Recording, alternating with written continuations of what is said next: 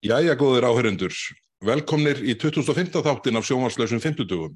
Við setjum, setjum hér í stúdíónu í vonastrættinu og ætlum að fara yfir máliðinar viku og svona kannski örlítið fleiri til viðbótar.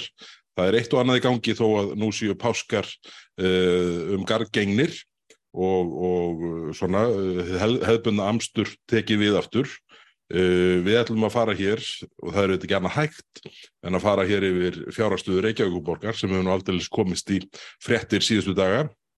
Nú við ætlum að ræða fjármála áallunina sem verður rætt áfram eftir að þingi kemur saman núna á mánudaginn og síðan ætlum við að fara inn í mál er varða ríkisborgarrétt og það, sagt, þann ríkisborgarrétt uh, sem að alþingi veitir umsækjandum og hvernig uh, þar er í pottin búið og síðan ætlum við að dreipa þess á umræðinni og, og svona staðrindum og, og, og fréttum af umfram döðsföllum sem hafa verið áberandi mörg í, hérna á liðnum misserum og hvað gæti skýrt þetta.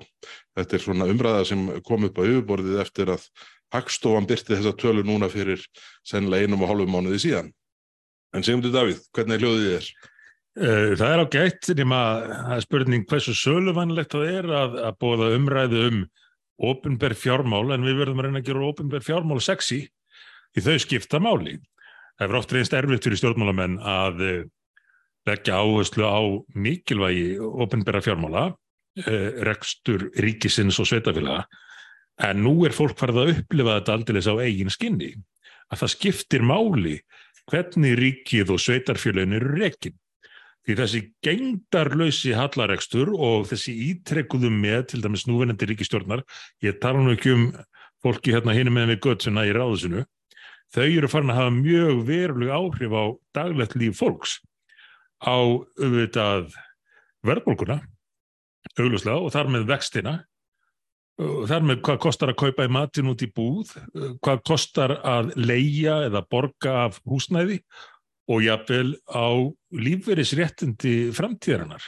Þetta, þetta spannar alla æfina því að e, ofinber skuldabref geta náttúrulega hrattlækkað í verði þegar að trúverðuleiki þeirra mingar og ég tala um þegar að bref sem voru gefin út á, á lágvaksta tíma e, fyrir allt í að keppa við bref sem eru gefin út á, á mjög háum vöxtum eins og núna. Það var það sem ekki hvað síst fór með hvað hétt þarna Vókbankin í, í Kaliforníu?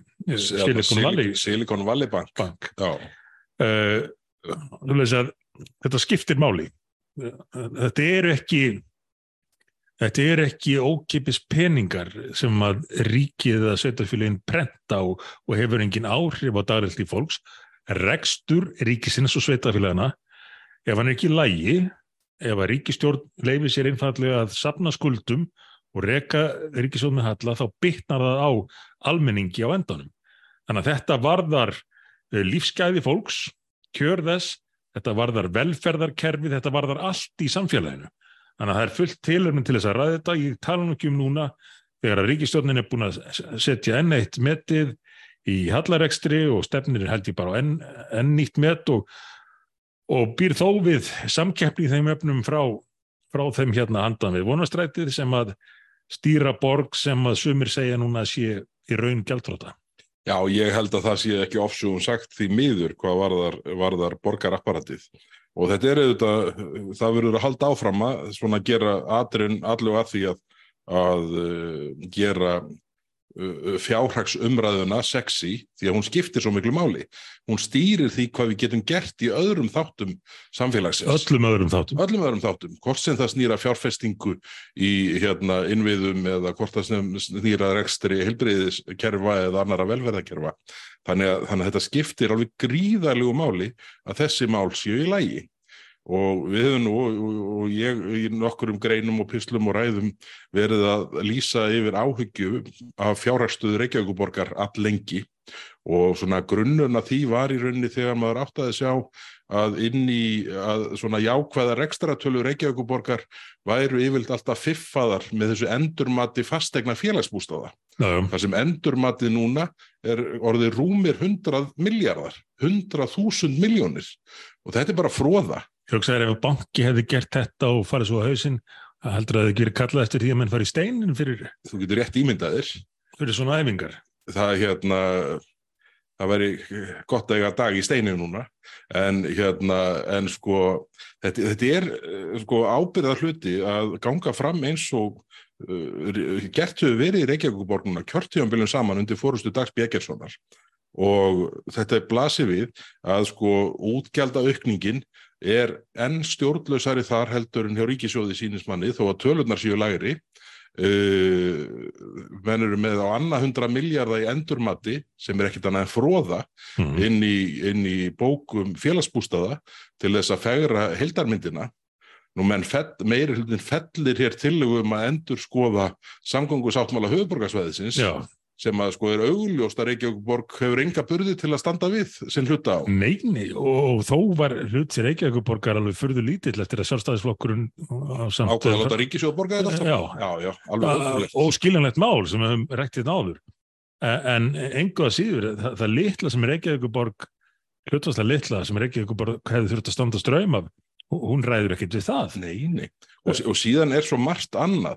Sjá nú bara sko uh, tjóni sem að uh, borgarbúar eru að fá í höfuðu núna og óþægindin af því bara til að mynda viðhaldi hafi ekki verið.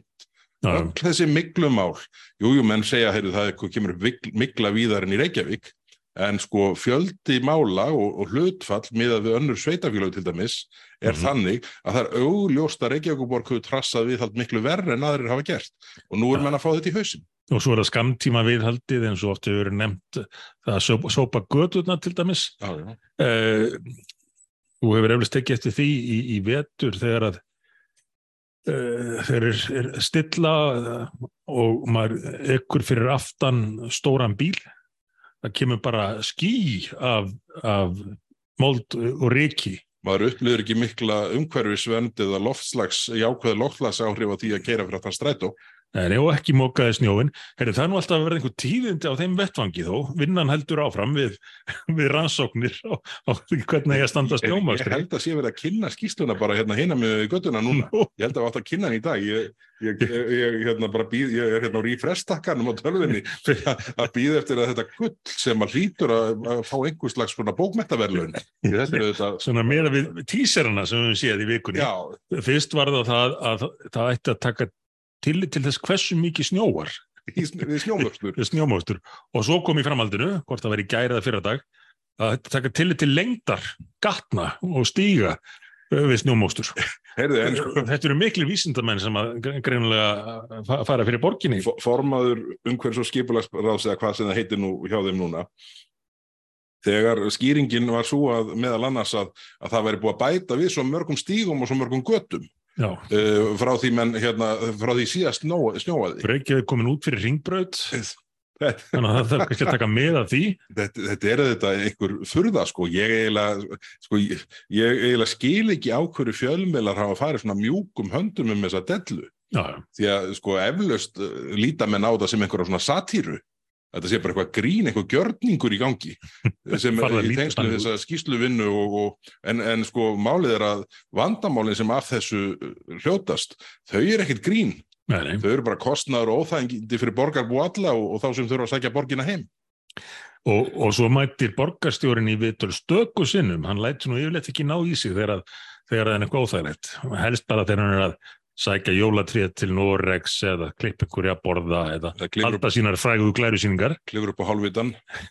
Eða það, mitt, slíkir atbyrði þá, þá byrtist hann, svo hverfur hann inn á milli, sérstaklega það er einhvað óþægilegt. En nú taldi hann sig þurfa greinilega að byrtast stuttlega uh, og mætti mjög furðulegt viðtal um, um fjára borgarinnar hann saði til dæmis um, uh, um viðvörunar brefið sem borgin fekk að það væri bara svona rútín, rútínubref já, já, einmitt. Það er alveg ótrú, ótrúlegt viðbrað Já, þetta er bara eðlilegt að, að svona, þeir senda út svona rútinum brefum að þeir séu að fara á hausinn og, hann, hann leit bara á þetta sem svona ekki gera ekki neitt bref frá mótus sem eru sendt út í þúsundatali og vantilega halda Íslandsposti gangandi. Akkurat.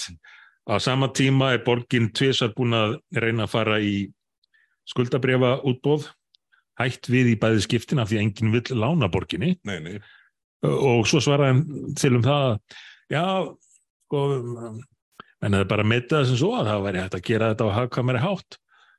Uh, og, og hvaða hátt uh, já, borgin á yfirdrætti í böngunum, kom fram í fréttum að uh, hún væri búin að klára lánalínuna sem hún hafði hjá landsbankanum og væri komin langt með Íslandsbanka hálunum Íslandsbókalínunu. Já, Þannig að borgin virðist uh, með þessa ágætu frétt í morgunblæðin í morgun sem Andrea Sigurðardóttir skrifar þá virðist borgin hafa aðganga 12 miljardar lánalínum hjá Íslandsbanka og Landsbankanum og nýju þeirra eru þegar nýttar. En, en af hverju er þið alltaf að láta um komast upp með þetta?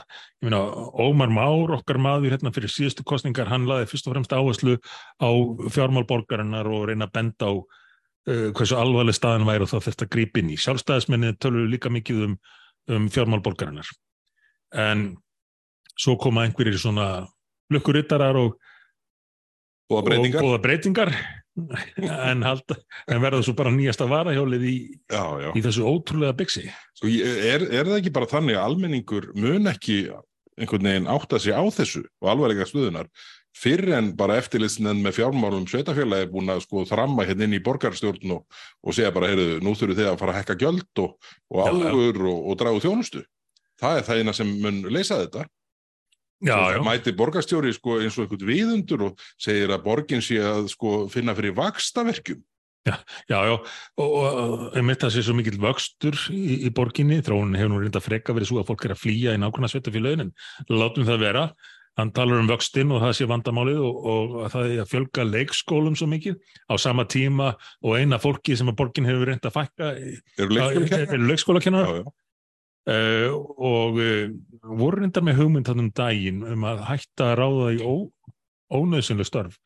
Þetta en, en það nú ekki betur en svo að um, borgin fór að, að auglýsa alls konar ný störf.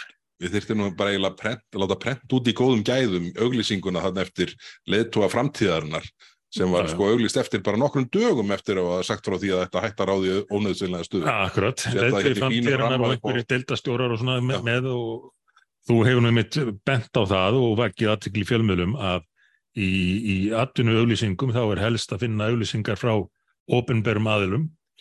Já, ég, ég mitt hérna, bent á, það- á það þarna um daginn þegar, þegar það var sko ein uh, auglýsing í öllu atvinnublaði morgunblaðsins frá enga aðila, allt hitt úr ofnbyrri aðilar með einum öðrum hætti og, og þá fekk ég til mig spurninguna, heyrðu býtu, eru enga aðilarnir ekki bara auglýs og alfreð og einhverjum sambærilegum þjónustum? Mm. Það, þannig að ég skoðaði bara svona handahófi fimm atvinnublöð þarna uh, mánuðin á undan og, og þar uh, dróst upp allt önnur mynd sko, þannig að Já. uh, hlutföllin eru alltaf að vestna. Þannig að, en, en sko, síðan höfum við hérna, hér- hinnum megin göttunar í, í, í, ráðhúsinu, það, það, þessi linnulösi vöxtur, svona, þenn, þessa, uh, þessar hersveitar, ég ætla nú ekki að kalla- á Wagnerliða, en svona það er da- dagur borgarstjóri hefur verið býstna duglegu það að byggja upp svona her í kringu sig. Hversi 20 fjölmjöla fulltrúar þarna sem, sem það var einhver ótrúlegur fjöldi, ég man ekki nákvæmlega töluna en þeim hefur ekki fækkað. Nei, nei, og, og, og, og þa- þarna, sko, þe- þetta er eftir skýringin á því af hverju hann fær þessa bómullar meðferð í fjölmjölum uh, dagana langa. En það vakti aðtegli mín að loksins náðist í dag út af þessum umræðum um fjármál borgarinnar. Og það var sennilega bara því að menn hafa væntalega bara tjaldað fyrir utan hjá hann á nýja torkinu þarna upp við, upp við hérna, ég man ekki hvað heitir, uh, Óðins, Óðinstorg eða ekki? Já, já, já, því að, því að Einar Þorsteinsson svaraði ekki síman og Einar hefur nú bara vendarlega sagt þeir hingaðu ekki lengra, ég er búin að mæta hér bara, uh, bara uh, sundur lamin í hvert viðtalið af öðru síðan ég fór í þetta meirluta samstarfið þig og hérna, nú verður þú bara að mæta einu sinni, ég get ekki tekið þetta, það er allir hættir að styðja mig. Ég er orðin Íslandsmeistar í dýfingum sko. það verður enginn farin hraðar úr 18,1 próstum niður í 8 í neinu samviki og, og allt náðist í dag. Og það eru bara furðusvör. Já, það er bara einhver algjör furðusvör sem að hérna, borgarstjóri kennst upp með að, hérna, að, að, að svara til þegar kemur að málinu. Að þetta sé bara einhvern rútínu bref það hefur bara verið svo margir aðrir betri kostir í stöðunni heldur en að hérna heldur en að hérna klára þetta skuldabrið útbóð það hefur nú verið þannig sko svona, svona ef við skoðum svona stöðun á markaði tölvöld langt aftur í tíman þá hefur skuldabrið útbóð alltaf verið betri kostur heldur en ádrátt að lána lína Já, já. í banka þannig að þetta er auðvitað ekki Einmitt. skoðun og það er auðvitað þannig að ég ímynda mér að minni hlutin í borginni hljóti að kall eftir og draga fram bara hver eh, kostnaður við fjármögnum borgarinnar er orðin því að, því að sko eh, einhver staðar, eh, ég held að þú hefði nefnt þetta við mig áðan að, að, að það væri verið að reyna teiknum þá mynd að staðan í hérna, Reykjavíkuborg væri nú samt miklu betri hvað þetta varðar heldur en hjá Kragasveitafélagum, nágrannar sveitafélagum Þessi bara kasta svona fram. bara sögðu einhver þvæla Já, já. og, og trúir því einhver að, að ástandið í Reykjavíkuborg sé betra heldur en á Seltjarnanesi eða í Garðabæ. Þegar þegar ég horfði á þetta viðtal, það myndi mig á hérna, Comical Ali í, Írak. Já, þegar, þegar skriðdrekandi voru í bakgrunni skriðdrekar bandamanna Hann var að lýsa stórkostlegum sigri eh, Saddam og, og- stjórnvalda yfir, yfir þessum innvarsarmönnum. En, en, en nú er komin lausn, þú búin að sjá það, þetta var bara í fréttum í dag held ég. Eh, Borgin ætlar að loka sundlögum á frítugum til að leysa manni. Þá er þetta er það kannski tvo upplýsingur fyrir trúið við bótt og En býtu, eru þeir ekki búin að opna næturstrætóin aftur? það var nú meira málið. Uh, við opniðu nættustrætó aftur, svo lokuðu honum strax. En býtu, halda þeir að þeir Af því að framsóknarmennir hafðu sagt sko að þeir ætla að opna nættustrætó. Uh, þannig að hann var opnaður í einhverja daga en er, er búið að opna aftur núna. Ég, ég er hreinlega ekki viss er svo mikið rugl sko en, en býtu allar, allar, allar einar og dagur að hlaupa á milli sundlu og tæma þær á lokuna tímanum já, það væri nú kannski ráð að, að þeir tækju að sér að vera sundlögaverðir í smá tíma og fengju einhver aðra til að leysa sig af við eh, stjórn borgarinnar og ná tökum er rekstri hennar. það er kallað eftirlitsnefnd með fjármálum sveitafélag Já, þannig að það verkefni lítur að vera í farvegi hjá Sigurðinga Jóhansinni Nei, æ, al, nei það er sennilega ekki farvegi Nei, líklega ekki. Nú þarf hann að treysta á nýja frambjóðandan sinn í, í Reykjavík og, og fyrir vikið þá, þá fer hann reynd gegn uh, sveit, sveitastjórunum hér í kring, bæjastjórunum og fjármálaráðurunum í, í ríkistofnunni, Já. hvaðandi til dæmis uh, samgöngusáttmálum. Heru, það vakti aðtegli mína að samgöngusáttmálinn, það eru allir sammála um að þurfi að endur skoða samgöngusáttmálan nema meilhutin í Reykjavík Já, innviðar á þeirra Sigur Ingi Jóhansson og bæjastjórun í Mosó já Þið- hvað eiga þið- þeir sammeðinlegt? þetta er aldrei að framsóknarmönnum þarna En þú sér það að, að við þurftum að knýja þessa sjálfstæðismenn til að endur hugsa þetta eins. Uh, við vorum þeir einu um landskeið sem vorum að benda á uh, einu, einu í pólitíkinni. Það voru reynda sérfræðingar og, og aðrir sem að benda á þetta líka. Sko, bara að allir þetta þeir sem mest vita um að-. Allir þeir sem að vita mest um þetta, sérstaklega þeir sem að voru að nálgast eftirlunum aldur og þorðu að tjá sig þetta, er auðvitað alveg rosalegt hvað þetta er orðið sko erfitt fyrir fólk á svona miðjum starfsferli sínum Já. að tjásu um hluti sem falla ekki að Já, já, sín hérna þeirra sem með valdi fara þetta er alveg skuggalegt, ég því. að því menn bara sko sjá fyrir sér að, að bara missa lífsviðværi hér um bil Já, já, ég er bara flaggað að, að hérna, fyrirtæki viðkomandi fá ekki, fá ekki að vinna við verkefni og annað slíkt já, já, og menn gera sér grein fyrir því. grjót halda menn kæfti Já, já. Þetta er einmitt orðið svolítið skuggalegt og kannski bara efni alveg sérstakann þátt. Hvernig allt þetta nútíma stjórnkerfi er farið að eh, hamla frjálsum skoðanaskiptum og, og því að menn fóri að tjá sig um það sem er rétt og ránt og, og benda á staðrendir. já, já. Þetta, og þess, þessi þróum bara ágerist Hún, hún gerir það og, og, og mikið á aukjumni. en, en hvað heldur að gerist í borginni hérna nú er, nú er ljóst að uh, dagur mun fá frekari gluggapost frá eftirlitstemt með hérna, fjármálum sveitafélaga að það, það er engar slíkar breytingar í farvatninu að, að, að það geti farið á annan veg. Uh, hann svara þessu öllu til með einhvers slags bara skætingi út úr snúningum Ei, næst ekki Einar Þorsteinsson forma borgarás er eitthvað sem bendir til þess að, að þetta uh, þetta lægist Já, hann náttúrulega bara farin að gera ráð fyrir því að geta forðað sér. Ég veit ekki hvað hann fyrir að gera, kannski einhver... ætla hann verði Ja. efnaðisar áðgjafi Kristúruna Frostáttuður Uh, ég myndi veðja... fjármálar áðgjafi Við Skulum... þetta er náttúrulega sko efnaðstefna einhvers slags samfélkingarna sem verið reikin í borginni kjörtjöfumbilum saman. Já, já, við verðum að vona að, hann gera einhvað annað, ætla hann færi ekki bara í einhverja alþjóðlega svona borgarmála stopnun í Amsterdam eða New York eða einhver staðar eða, eða sem ég finnst ólíklega hann verði bara aftur læknir. En uh, ég heyrði einu sinni Dag Björgetsson fyrir örgulega 20 árum eða þannig bil, flytja mjög gott erindi uh, um læknisfræði Já. sem læknir. Uh, kom mér mjög skemmtilega vort þar, það var bara mjög áhugavert en verðum við ekki bara að vona að, að hann fá einhverja, einhverja stöði í, í útlandum og við lendum ekki að hafa hann í að stjórna fjármálum borgarinnar eða tala nú ekki um ríkisjós með, með samfélkingunni. ég held að veri skada minnst ef hann fer að vinna sem læknir hjá Kára Já, já, það er eitt möguleiki. við höfum að hérna, von, vona að, hérna, að, að, að það setja smíðast líka löst Herðir, þetta var hérna við, við, hérna, við fylgjumst áfram með fjármálastuðu Reykjavíkuborgar. Þetta er alveg ótækt með hvað hætti þessi mál hafa þróast, en allt var þetta fyrir séð. A allt Þetta fyrir sér, gat ekki endað öðruvísi. eins og hjá ríkinu.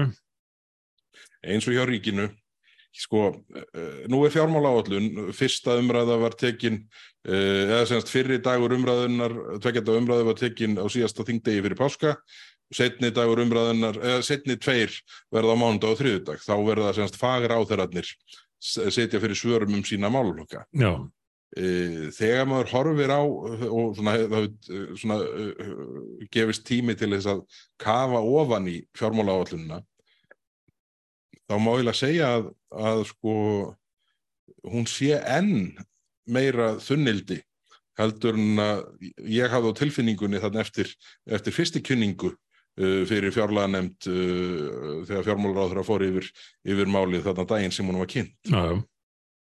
það er, uh, þetta, þetta er eiginlega alveg með ólíkindum hvað ríkistjónin ætlar að leggja lítið af mörgum til þess að taka slægin við verðbólguna.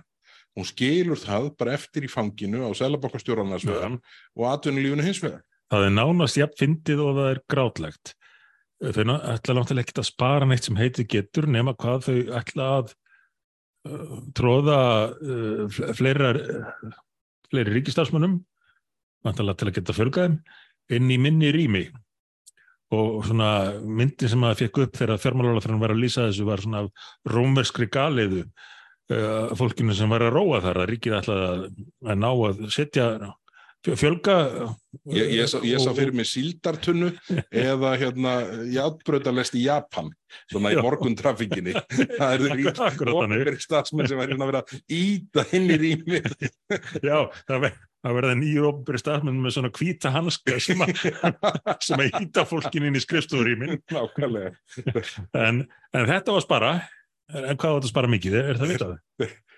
Í þessari sko gengdarlausu útgjaldaaukningu þá á þetta að spara 2 miljardar og sko nú uh, viðskiptablaði gerði það býsna vel að taka saman sko þróun áforma ríki, uh, ríkistjórnarinnar um útgjald uh, eftir, eftir fjármálaáallun fyrir fjármálaáallun Mm. og þetta er búið að fara úr 1166 miljardum í 1281 í 1446 uh, fjármálaáallun eftir fjármálaáallun Mm. og sko er, og þeir hort til sko áallar útgjald árunni 2025 sem segir nú sína sögu nú vorum við að tala um ár sem er eftir tvö ár núna að ítrekað skuli fjármála áallin ekki standast að því marki að framtíðar ár áallið útgjöld þá, sama verði eru hækkuð um hvað, 100 miljardar Já, í já. hvert skipti já, já.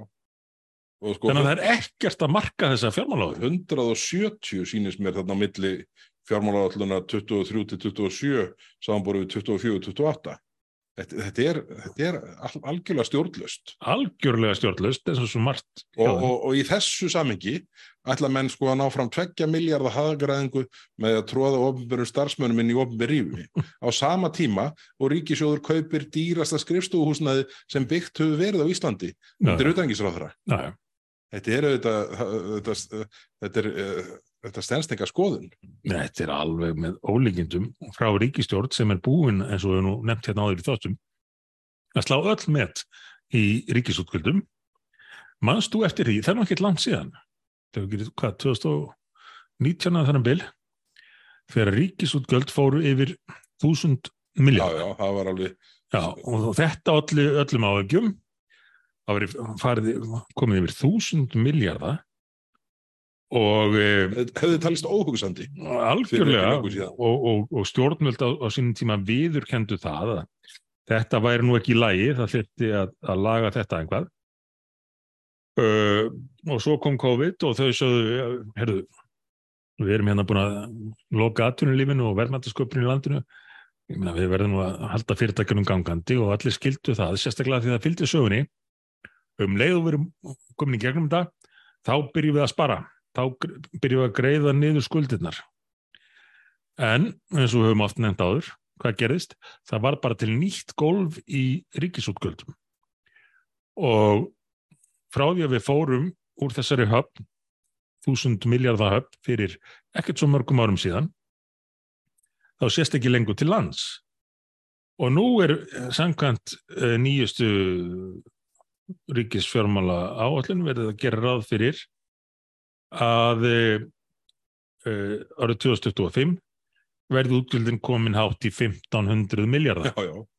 Og, voru, og hátt í 50% frá því sem var hérna fyrir bara í fyrra daginn ánast þegar menn krossuðu sig í bak og fyrir í sko ástandinu þetta er algjörlega orðið stjórnlust og, og hefur einhver á tilfinningunni að við séum að fá meiri eða betri þjónustu fyrir þetta? Það er nefnilega málið. Ég held að, að fólk uh, almennt upplifi ekki miklu meiri þjónustu eða betra samfélag eða betra helbriðskerfi heldur en var þegar við vorum að reyka þetta á 700-800 nei, nei, miljardum eh, sem vel að merkja þau þau verða þá búin að tvöfalda þarna 2025 en en eins og viðskiptablaði held ég að verið benti á þá hefur þessi ríkistjórn aukið ríkisútgjöld í krónum talið um svona hátt í 70% bara ein ríkistjórn þetta verður aldrei gæst áður lefið mér að segja. Eh, jafnvel ekki í, heimskreppinni uh, 1930 hans ég hafi skoða en allavega í, í, í rauntölum um þriðung ein ríkistjórn hefur í rauntölum sagt, uh, verð leiðrétt krónum aukið ríkisgjöld og ríkisútgjöld um þriðjung og þetta er ríkistjórn sem að samanstendur ekki af uh, pírötum, uh, samfylkingu, viðreisn og vinstri grænum. Þetta er ríkistjórn með sjálfstæðisflokkin í fjármálaráðandinu og sem stærsta flokkin. Þetta er ríkistjórn með uh, framsóknarflokk og jú, vinstri reyfinguna grænt frambóð sem að hefur aukið ríkisútgjöld í rauntölum verði leiðrétt. Þannig að því er ekkert að tala um launahækkan og slitt verði leiðrétt um þriðjung bara í sinni tíð. Já, já. Hvernig er þetta hægt og hvernig er hægt að gera þetta á þess að fá neitt fyrir? Ég uh, bara veit ekki ég get ekki bent á neitt. Nei, þar sem staðan hefur batnað á þessu tímabili ég held að bygglistar hafa aldrei verið lengri Bið, uh, þjónustað skóla og, ímissa stóðkerfa hefur aldrei verið uh, að mati aðeila svona uh, verð fjármögnu miða við þjónustukröfuna. Partur af þessu eru þetta hérna inn á þingi eru þingmenn dagana langa að samþykja einhver frumvörp sem fæstir hafa lesið, ég vilt einhverja innleðingar frá, frá Brussel já, sem að sko auka kostnað án þess að bæta þjónustu. já, Og þetta er nú sama sko sveitafélagin eru sífælt að kvenka sér yfir sem er alveg rétt að það eru samþykkt hér á færiband einhver frumvörp á alþingi og sem auka kostnað sveitafélagana og á þess að neinn uh, betri þjónusta sko sé afrakstur þess. þetta er nú annað sem er efni í sérþátt uh, og þú reddir þetta eins, ég held að verða á bylgjunni, ég minna allræmdu bókun 35 Mm. Og þessar Evrópu reglugerðir uh, og þingsalötuna tillögur frá Evrópusambandinu sem að ekki nokkur maður skilur hvaða áhrif muni hafa og maður svo upplifir bara árið eftir einn raunverulegu áhrif. Þegar að fyrirtæki til dæmis stundum bara almennir borgar að lenda í því að uppfylla ekki þessar kröfur og ekki einu svona stjórnkerfi getur leiðbendið um það hvernig þeir eiga að uppfylla kröfunar þar til þeir bara fá sektirnar að því enginn skildi hvaða áhrif þetta hefði. Og þessu er dælt hérna í gegn. Og núna þessi áform um, um uh, bókun 35 uh, sem hafa að gera þessar Evrópu reglur uh, hærri íslenskum lögum. Bara beinlinis vegið að fullveldi landsins. Meirinn hefur verið gert frá, frá 1918 uh, en, en þessu hafa stjórnvöld ekkit áhuga á. Þetta bara þau, þau skilja þetta ekki, þau setja sig inn í þetta. Einhverjir ná að, einhverjir kannski embætismenn eða jafnvel ráþæra ná að lauma sínum sérstöku áhuga málum stundum inn í þessar reglugerðir. Og svo er þetta bara kert í gegn og þingmenninir samþykjaði blindni. Við erum reynda löngu hættir að að afgreða þessi ESB-mál á færibandi og, og sitjum jafnan hjá nema þegar við vitum að einhvað sé annarkvort mjög gott eða mjög aflett. En, en þetta er þrónin og, og þetta hefur allt kostnaði í fjör með sér. Og kerfið flækist og það er vegið að verðmætasköpun í samfélaginu með oft á tíðum einhverju, einhverju Evrópu dellu eins og e, lofslagstefnu Evrópusambandsins sem að við horfum fram á að geti núna bara á næstunni rústað flugsamgöngum í landið og, og staðstu atvinnumiðunum. En það er einhver mál sem er, já, já, ríkistofnum svona eftirlætju stjórnkerfinu að halda fundi, hvað ætli þessi orðin 137, já, eftir að, að menningarráð fyrir hann fór þarna til Brussel, ætli þessi þá 138. Ætli það ekki. Uh, en það er enginn að stjórna. Það er vandamálið, hvort sem það er í ríkisfjármálunum eða öðru, það er enginn að stjórna landinu allavega ekki kjörnir fulltrúar. Nei, nei, akkurat. Elistin eins og sumir kallaðu. Já, og þá fyrir þetta svona.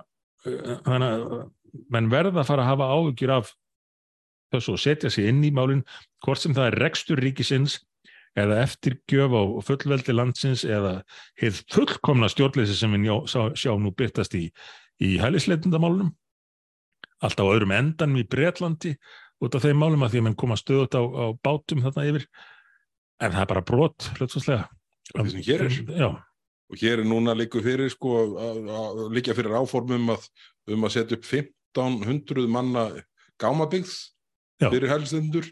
Það er bara hérna sagt frá því, bara eins og það, sé bara sjálfstæðstel hlutur í heimi, að það sé bara búið að taka allt húsnæði sem til er já, já, og síðan er núna verið sko að flagga því að, að innveðar á þeirra alltaf veita undan þá svo sé hægt að setja, setja fólk í uh, sko yðnaðarhús og, og já. eins og ekkert sé. Á saman tíma og slökkuliði var við 40 slíkum byggingum þar sem að fólk hefur talist. Heyrðu, og, og svo bara, eh, við höfum verið að tala um þetta eh, í tölvöld langan tíma, Já, en það er svona loksins að koma upp á yfirborðið umræðan um áhrifin sem þetta hefur á stöðu Íslendinga hvað leigumarkaðin varðar. Þetta þetta þurkar upp leigumarkaðin og ég bara tek alltaf dæmið af einstöðu tveggjabarna bóðurinni sem að stendur í slagum íbúð við uh, sko ríkistriðan uh, leigutaka hinum einn sem að þar sem leigan verður borguð á réttum tíma já, og það má hækkana, það er vandalust uh, og, og ef eitthvað verður skemmt þá verður það borgað. Þú veist, þetta er erum við bara að sjá þessa kenningu þína raungirast já, já, í þetta, raun tíma. þetta í rauninni var svona fljót upp á yfirborði núna í liðinni viku og þetta bara eftir að vestna þetta ástand. Já, já. Það er bara þannig. Og á sama tíma sko uh, senda uh, stjórnvöld skilabóði þessari fjármálaállun sem mun ef eitthvað er draga úr húsnæðisuppbyggingu. Þetta Akkurat. rekst allt sko hvert, hvað á annars hótt. Ég meina, það er, er beinleins verið að reka fólk úr húsnæði sínu á Reykjanesi núna til að leipa að hælisleitendum og þetta hefur nefnilega áhrif á öllum sviðum samfélagsins. Það er ekki ástæðalausu að dönsku kratarnir áttu sig á því að það fer ekki saman öflugt heilbliðskerfi og opinn landamæri. sjáðu bygglistana í heilbriðskerfunu og blessaður heilbriðsráþurinn hver skipt sem hann er spörður henni hérna í þinginu og segja já þetta er alveg rétt, við þurfum að gera eitthvað í þessu, þetta er ekki náðu gott. En hvað gerist? Ekki neitt, það gerist ekki í þessu. Bygglistanir bara lengjast og álægið og heilbriðskerfið eikst eh, ekki bara út af þessu vil að merkja, heldur líka vegna þess að að stjórnvöld verðast vera algjörlega vanfær um að nýta sér uh, aðra kosti vilja frekar senda fólk eh, til síþjóðar fyrir þrjafald meiri peningina nýta sömu þjónustu sem býðst hérna heima. Þannig að það eru margar ástæði sem haldast hann í hendur. En auðvitað hefur það áhrif þegar að uh, ríkir stjórnleysi á mörgum sviðum samtímis og þar með talaða landamærunum og þú nefnir þarna gámabið fyrir 1500 manns. Hvað eru komin margir á fyrstu þrejum mannum ásins? 1500 manns. Þannig að þetta er svona svipað á fyrstu þrýr mánuðinir Gámabiðirna verða bara eins og eigir og þessi gjaldrúta borg sem við erum með hérna hinn með við götuna uh, voru þau ekki fyrst dagur til að kalla félagsmjölur á þrann Guðmundinga á fund og undir þetta áformum að taka mútið 1500 manns. Engin spurði uh, hvernig ætlaði fjármagnaðuna hvað hva, hva er ætlaði að koma fólkinu fyrir? Þetta er fólk. Þetta er fólk sem að, auðvitað, ef minn ætla að taka á, á móti öllu þessu fólki þá, þá þýðir ekkert að gera það með því að, að geima það bara í gámum. Eh, en það var engin engin spurning um það heldur bara uh, digðaflökkun með underskrift borginn tekur á móti 1500 manns já, já. Þetta er fyrir neðan allar heldur og svona uh, þessu tengt þá held ég að við verðum að fara yfir í mál sem að kemur hér upp reglulega í þinginu og hefur verið allt í hershöndum út af núna undanfarið sem er veiting alþingis á ríkisborgarrétti. Já. Það er, það fullkomnu ósamræmi við markmið lagana hvernig framkvæmdinn hefur verið viðhöfs við veitingu ríkisborgarréttar gegnum alþingi um all langa hríð og, og ég hef til dæmis síðan ég komin á þing alltaf setið hjá við afgreðslu þessara mála, eh, ekki vegna þess hverjir er að fá ríkisborgar rétt hverju sinni, heldur vegna þess hversu ógjagsætt ferli þetta er og, og með hvað hætti verklæðið hefur verið. Ég hef settið hjá alltaf nema einu sinni og það var þegar ég taldi að það væri búið að ganga frá breytingu og verklægi Já. til hins betra. En hvað kom síðan á daginn? Það var það ekki. Já, það, það var bara að fara rámt með, sko, þar og má kalla það blekkingu en við höfum einmitt gert þetta setið hjá og, og svona reglulega gert grein fyrir því hvers vegna það væri mm. þetta væri bara meingallað kerfi og nú er komið á daginn og hefur komið fram í, í fjölmjölum sem að var svo sem vitað hérna í þinginu að eh, þingmenn hafi verið að eh, velja einhver aðala sem að þeir þekktu til þá því að starfa fyrir uh, og, og koma þeim á listan yfir íslenskan ríkisborgarrétt og íslenska þingið hefur og sérstaklega núna síðustu misseri verða útdeila ríkisborgarrétti bara eins og selgæti ef maður skoðar þróunina þá þá jógst þetta jæmt og þjætt og svo datta nú aðeins niður um tíma en, en er aftur orðið töluvert hátt og, og, og gert með svo ég notist nú við vinsælt eh, orð í politikinu mútildags ógagsægum hætti. Ógagsæra verður það bara ekki. Nei, akkurat. Uh, og, og þetta á sama tíma og uh, erlendir ríkisborgarar er orðinir um 17% landsmanna hægst á hlutfall á Norðurlandum held ég sem, sem er semst erlendir ríkisborgarar en þá er ekki tekið með í reikningina allir þeir sem hafa fengið íslenskan ríkisborgarrétt og á síðast ári fjölgaði erlendum ríkisborgurum á Íslandi meirinn 15 falt meira en íslenskum ríkisborgurum á Íslandi. Á einu ári fjölgaði erlendum ríkisborgurum meirinn 15 falt á við íslenska ríkisborgara og þá er ekki tekið með reyningin þeir sem eru orðnir íslenski ríkisborgar og, og hafa flust hingað. Og... Þetta er sjokkarandi hlutfall. Þetta er, þetta er alveg svakalegt og maður skildi ætla að það kallaði á einhver viðbröð eins og það hefur gert á hinnum Norðurlandunum En nei, það gerist ekki neitt. Það er bara slegin nýmið núna á fyrstu mánuðum ásins og engir tilbyrðir, tilbyrðir til að ná stjórna þessu. Jó, þau kláruðu þetta litla útlendingafrumvart eftir fimm ár þegar það var búið að þinna það út í ekki neitt.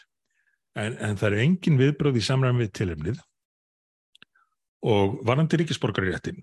Auðvitað viljum við uh, uh, taka vel á móti þeim sem að vilja verða Íslandingar og leggingaða mörgum hérna í samfélaginu.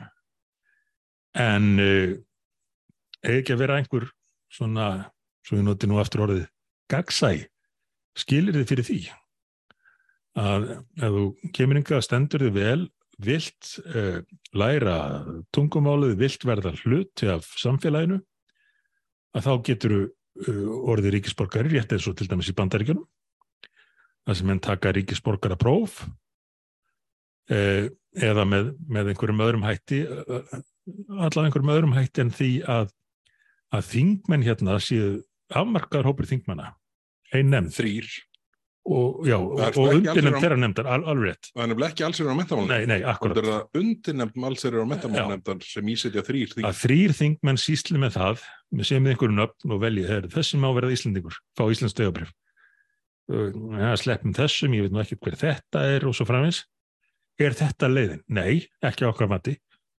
Þess vegna höfum við ekki greitt atkvæði undan varin ár nema, hugsanlega þannig að ef við lítum okkur hafa eitt skipti gegn lofórðum að þetta er lagað en það verður ekki gert. Sko, ég held að sko, reglurnar eru hugsaðar til þess að veita til dæmis aðeila eins og Bobby Fischer, ríkisborgar rétt á sínum tíma og Bobby Fischer er ekki fordami skemandi fyrir neitt í því samingi nema mögulega Boris Baski Akkurat. og nú er þetta bara orðið einhvert færiband Aha.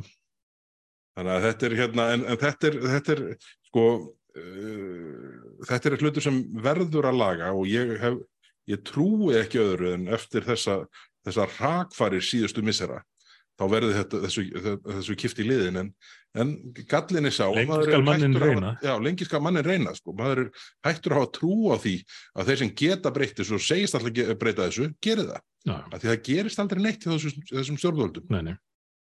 En þetta er hérna, uh, við, við fylg, fylgjum með þessu og leifum hlustendum að, að, að heyra því ef að, ef að þetta, það reynir nú næsta át í vor undir Já. þinglók, má rekna með nýjum skamti. Já. Síðan er hérna mál sem við ætlum að ræða áður en við, áður en teipið verið búið sem eru fréttir af umfram döðsföllum uh, í kjölfar COVID tímabilsins. Þetta var mjög merkilegt að sjá þetta og kom fram að í alþjóðlegum samanbyrði hefðu umfram döðsföll á Íslandi verið þau mestu, var það ekki, Jú, jú. í fyrra eða ég man ekki tímabilið nákvæmlega. En Þetta í rauninni svona teiknast upp þessi mynd þegar Hagstofan gefur út það sem hún kalla tilruna tölfræði. já, Það eru þess að tölu dregna fram. og, og Hagstofan á rós fyrir það og reyndar mjög góð vinna oft unnin þar og áhugaverður upplýsingar sem koma frá þeim. En hún sá ástæð til að vekja aðtekli á þessu. Og svo hefur þetta verið tekið saman erlendis líka, samanburður millir landa, þar sem að Ísland samkvæmt einhverju frétt sem ég sá kom, kom verst út hvað þetta varði. En svo voru viðbröðin held ég frá landlækni daldið sérstök sem voru þau að skrifa þetta allt á COVID.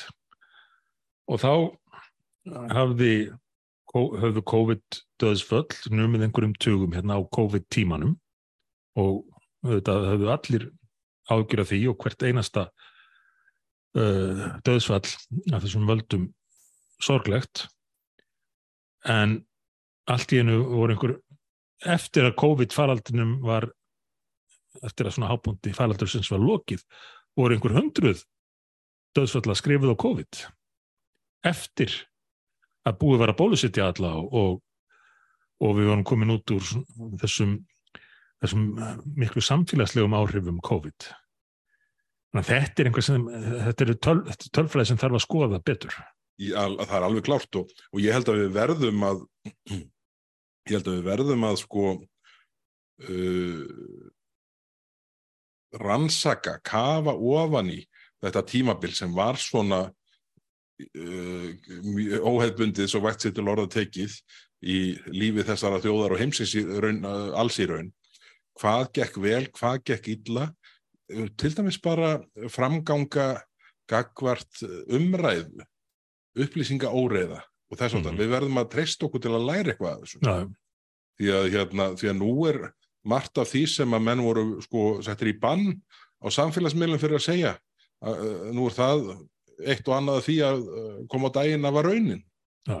Þannig, að, þannig að sko ég held að sé alveg líki latriði að við leifum okkur að læra af þessum gríðarlega umfangsmiklu og íþingjandi aðgerðum sem greipið það til því að nú sjáum við hverjir er að koma skást sínismanni út úr þessum tölum núna varandi umfram döðsvöll í vestur-Európu.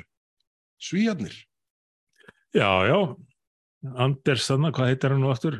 Te Anders Tegel eða einhvern veginn? Tegel, já.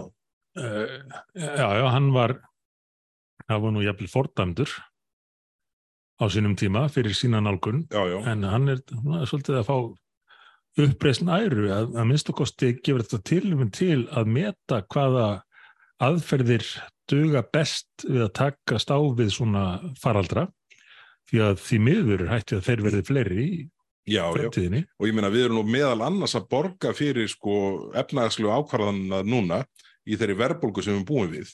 Það þarf ekki að koma nefnum á óvart þegar verðmætasköpun, það er hálf slögt á henni, uh, misserum saman atvinnlífið sett í, í hægagang en á meðan prentaði peningar til allir hafi það sem allra, allra best og, og sko það að kaupmáttur hafi verið að aukast í gegnum COVID-tífambilið þegar atvinnlífið verið lamaslesi þetta gatuð þetta ekki staði sko. Ég er, ég er alltaf hissáði þegar sko ráþærar er að reykja sér að þessu. Við erum auðvitað bara að borga þetta tilbaka meðal annars með verðbólginu núna Já, já, uh, sko stríðsverðbólgan uh, eftir innráðs rúsa í Úkrænu hafði vissulega áhrifum tíma, sérstaklega vegna hækkan á ráfurumarkaði. Nú hefur það gengið tilbaka en það gæt aldrei farið öðruvís en svo að þeirra peningar væri prentaðir á sama tíma og framleysla var í lámarki, verðmætasköpun í lámarki, að það myndi leða til verðbólku. Gæti ekki þannig gerst. Næ. Og að, því sáðu, þá, þá langar mig að minnast manns sem að lest nýverið og var þekktur uh, fjármálar á þeirra Breitlands uh, Nigel uh, Lawson þó að þó að hann hefði kannski í setni tíð verið frægari fyrir að vera fadir nöfnu sinna Nigelu sem að framleiðir uh, alls konar dýrindis rétti og, og skrifa um það bækur og, og byrj til sjónastætti en ég, ég las nokkra greinar um hann í erlendum miðlum sem var ágætsu upprifun og svo var fín, fín leiðar í morgunblæðinu ég sá til dæmis Tórð Pálsson uh, minnast á þetta líka á, á Twitter. Ég nú maður fann að aðeins að fylgjast með Twitter eftir að Elon kom hann til svonur en, en þetta var svona prinsip stjórnmálamæður sem að nálgæðist efnaðslega erfiðleika meðalans með því að lækka skatta og leifa fólki að halda eftir meiru af þeim peningum sem að það vann sér innfyrir mátti þóla árásir fyrir vikið en, en þetta virkaði. Verkamenn, yðnamenn og aðrir fengu að halda eftir meiru af tekjum sínum og auðvitað notuðu þeir þessar tekjur til að svo íta ennundir framleiðslu og, og verðmættasköpun og þegar við minnumst þessa í, í samanbyrði við þessa bókjarna fjármála áallun ríkistjórnarinnar þar sem að viðbröðin verðast helst vera þau að hækka skatta þá er þetta ágætis áminning um að, að prinsip skipta máli í já. og hafa politiska sín og stefnu og, og fylgja henni eftir. Já, já Heru, þetta er gott að enda á þessu. Ég ætlaði nú að koma inn á hér tvö máli við geymið á þangu til næsta þætti. Annars vegar var það þetta aðriði sem snýra því að, að ríkið er að gefast upp á svo kallari samfunnu leið í vegafrangandum Já, já. Það hérna, uh, Sigur ringi innviðar á þeirra, furða sig á træðu, uh, træðunni sem er varðandi þessi mál, það, það gengur ekkit að fá engaðar lað þessu og það kemur mér nú ekki alveg á óvart varðandi upplegið og það er hérna fréttin á ríkisútvarpinu við þeirra það sem er nú sagt frá því hvaða, hvaða verkefni komast ekki áfram og þarf um til göttunum uh, og það segir framkvæmdir eru aðeins hafnar við eitt verkefni ringvið um hotnafærafljót og það hefur ekki enn tekist að fá engaðala borðinu sem er nú svona forsenda þessara samfunnuverkefna. Mannstu allar fréttinnar og, og hástöndi yfirlýsingarnar? Hástöndi um... yfirlýsingar um sko hérna Fjö, þessum, uh, þessum áformum fylgdu fjögur þúsund störf. Æ. ég gerði nú strax aðtöðasemdi við það að, að þetta veri ekki störf, þetta veri ársverk. Þannig búið að uppfæra það á, á frétt, frétt uh, ráðaneytisins af þessum þess, samþýtt þessa frumvars en þetta uh, ljósipunkturinn við þetta er að þetta svona einfaldar aðeins þetta þrefalda eh, hérna, veikjalda brjálaði sem að innviðar á þeirra hefur talað fyrir að það verði innleitt sko uh, flíti og, og tafagjöldin vegna samgöngusáttmálans. Það verði innleitt göld í öllum þegar komnum jargöngum og síðan verði innleitt göld í þessum sex samfunnum ja. þannig að þetta, það dettur út með þessu en að ég hafði ekki á tilfinninguna að þetta draga úr neinu á móti Þannig að, þannig, að, þannig að þetta er ekki, þetta er ekki bara slæmt. En síðan hitt, nöldurhóttnið, svona í lokin. Já. Ég hef ekki með pizzu á hérna, pizzastanum í borgansi, Colínas, alveg frábæra pizzur sem þau gera þar. Já, mjög goða pizzur þar. Og hérna var að koma úr stikkisólmi í morgun og hérna, og uh, fer panta þar, hérna pizzuna sem ég fæ mér alltaf þar og, og kók með. Já. Svo skrúa ég tappan af kókinu og hann fer, losnar ekki hann hangir á flöskunni. Mm. Þetta er, hérna, þetta er alveg, alveg óþólandi, þetta er svona jafnpirrandi og plaströðurinn og, og, og, og timburskeiðarnar. Þetta er, er þetta einhverja nýjar flöskur? Ég drekk náttúrulega ekki mikið gós en... Og og ég, ég hérna, þá rifjaðist upp fyrir mér að hérna á síðasta kjörtjafabili vorið uh, hérna 2020, rétt fyrir þinglokk þá var samþygt þetta dellufrumvarp innleitt svona áður en að þurfti og langt á undan Európa-þjóðum flestum, Já. þetta mál sem að sko uh, orsakaði plast, bann á sko plastpókum og plaströrum og, og þetta, en þetta þótti svo vittlust að því við í nefndinni já, formadur hennar á þessum tíma við uh, höfum bara samband við endurvinnsluna, spurum þeir er þetta alveg vandamál? Eru flöskurnar bara, eru þessi tappar bara allir út í náttúrunni? Ah. Og þeir fóru og skoðuðu einhverju tölfræði hjá sér og það var næstuð í 100% af flöskunum sem skiluðu sér til endurvinnslunar voru með tappan á. Herðu, nú er búið að hérna, búa til einhvern svona einhvern bastard, tappabastard sem að sko hangir á flöskunni og, og er til tómra óþæginda þannig að nú er þannig nú er ég eiginlega hættur að fá mig shake sem ég þótti svona var, var nöytt mín. já, já. því að mér finnst svo ógeðslegt þegar pappísöstrið uh, svona einhvern veginn hérna, leysist upp upp í muninum já, ég er eiginlega hættur að kaupa þessa drikki alla sem ég þótti svo góða að það er einhver ógeðsur ör sem fylgja þeim. Skýrdóllunar, ég er hættur að setja þær í korfuna út af þessum ó, ó, þessar skeiðar það fyrir svona klíja ég veit það, ég fyrir svona klíja þegar, þegar viðar einhvern veginn textjöri dregst eftir munum, ah alveg ógætlu og nú taparnir. Þetta, ég, ég sé hérna, ég rifjaði upp málið og ég og Karl Göti vorum í einhversum samgöngur nefndinni þá. Já. og við auðvitað börðum skekk þessu vorum með sérálit þar sem við sögum að þetta veri tómdella. En nú eru meiri þess að plasttaparnir sem tókst að taka út úr málunum þarna voru 2020, nú er það árið innlegt Færibandi heldur alltaf já, já. Brusselreglurnar valda yfir okkur. Og nú að klára þetta með brókun 35 Bergþór, það þýðir nú ekkert að vera alltaf að reyna að halda aftur á mér með tíman og að tala um að teipi sig að klárast og koma svo með svona nöldur hodni í lokin. Ég verði að fá að segja nokkur orðum þetta. Já, já, ok, við setjum ít í framlengingu, snúum við kassetunni. Vegna þess að þetta er náttúrulega bara ekki hægt hvernig er stöðut verið að innlega hér einhvað sem á ekkit við íslenskar aðstæður til að mynda þetta með plastið. Nú likur það fyrir, samkvæmt rannsóknum, að á bylnu 88 til 95% af öllu plasti sem fyrir höfinn kemur úr tíu fljótum, tíu ám. Þar sem að menn stunda það að henda ruslinu í árnar, þar sem það flýtur út í, í eh, sjóin, hafið.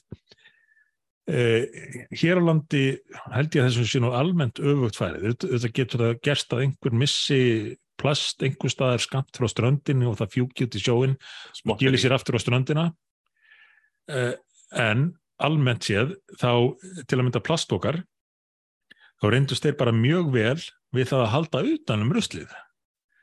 Uh, mann fór út í búð, keftu einhverjar vörur og settu svo ruslið í sama póka og, og, settu hann í, í, í grænu sortununa eða, eða hvernig sem það var í hverju sveitafélagi.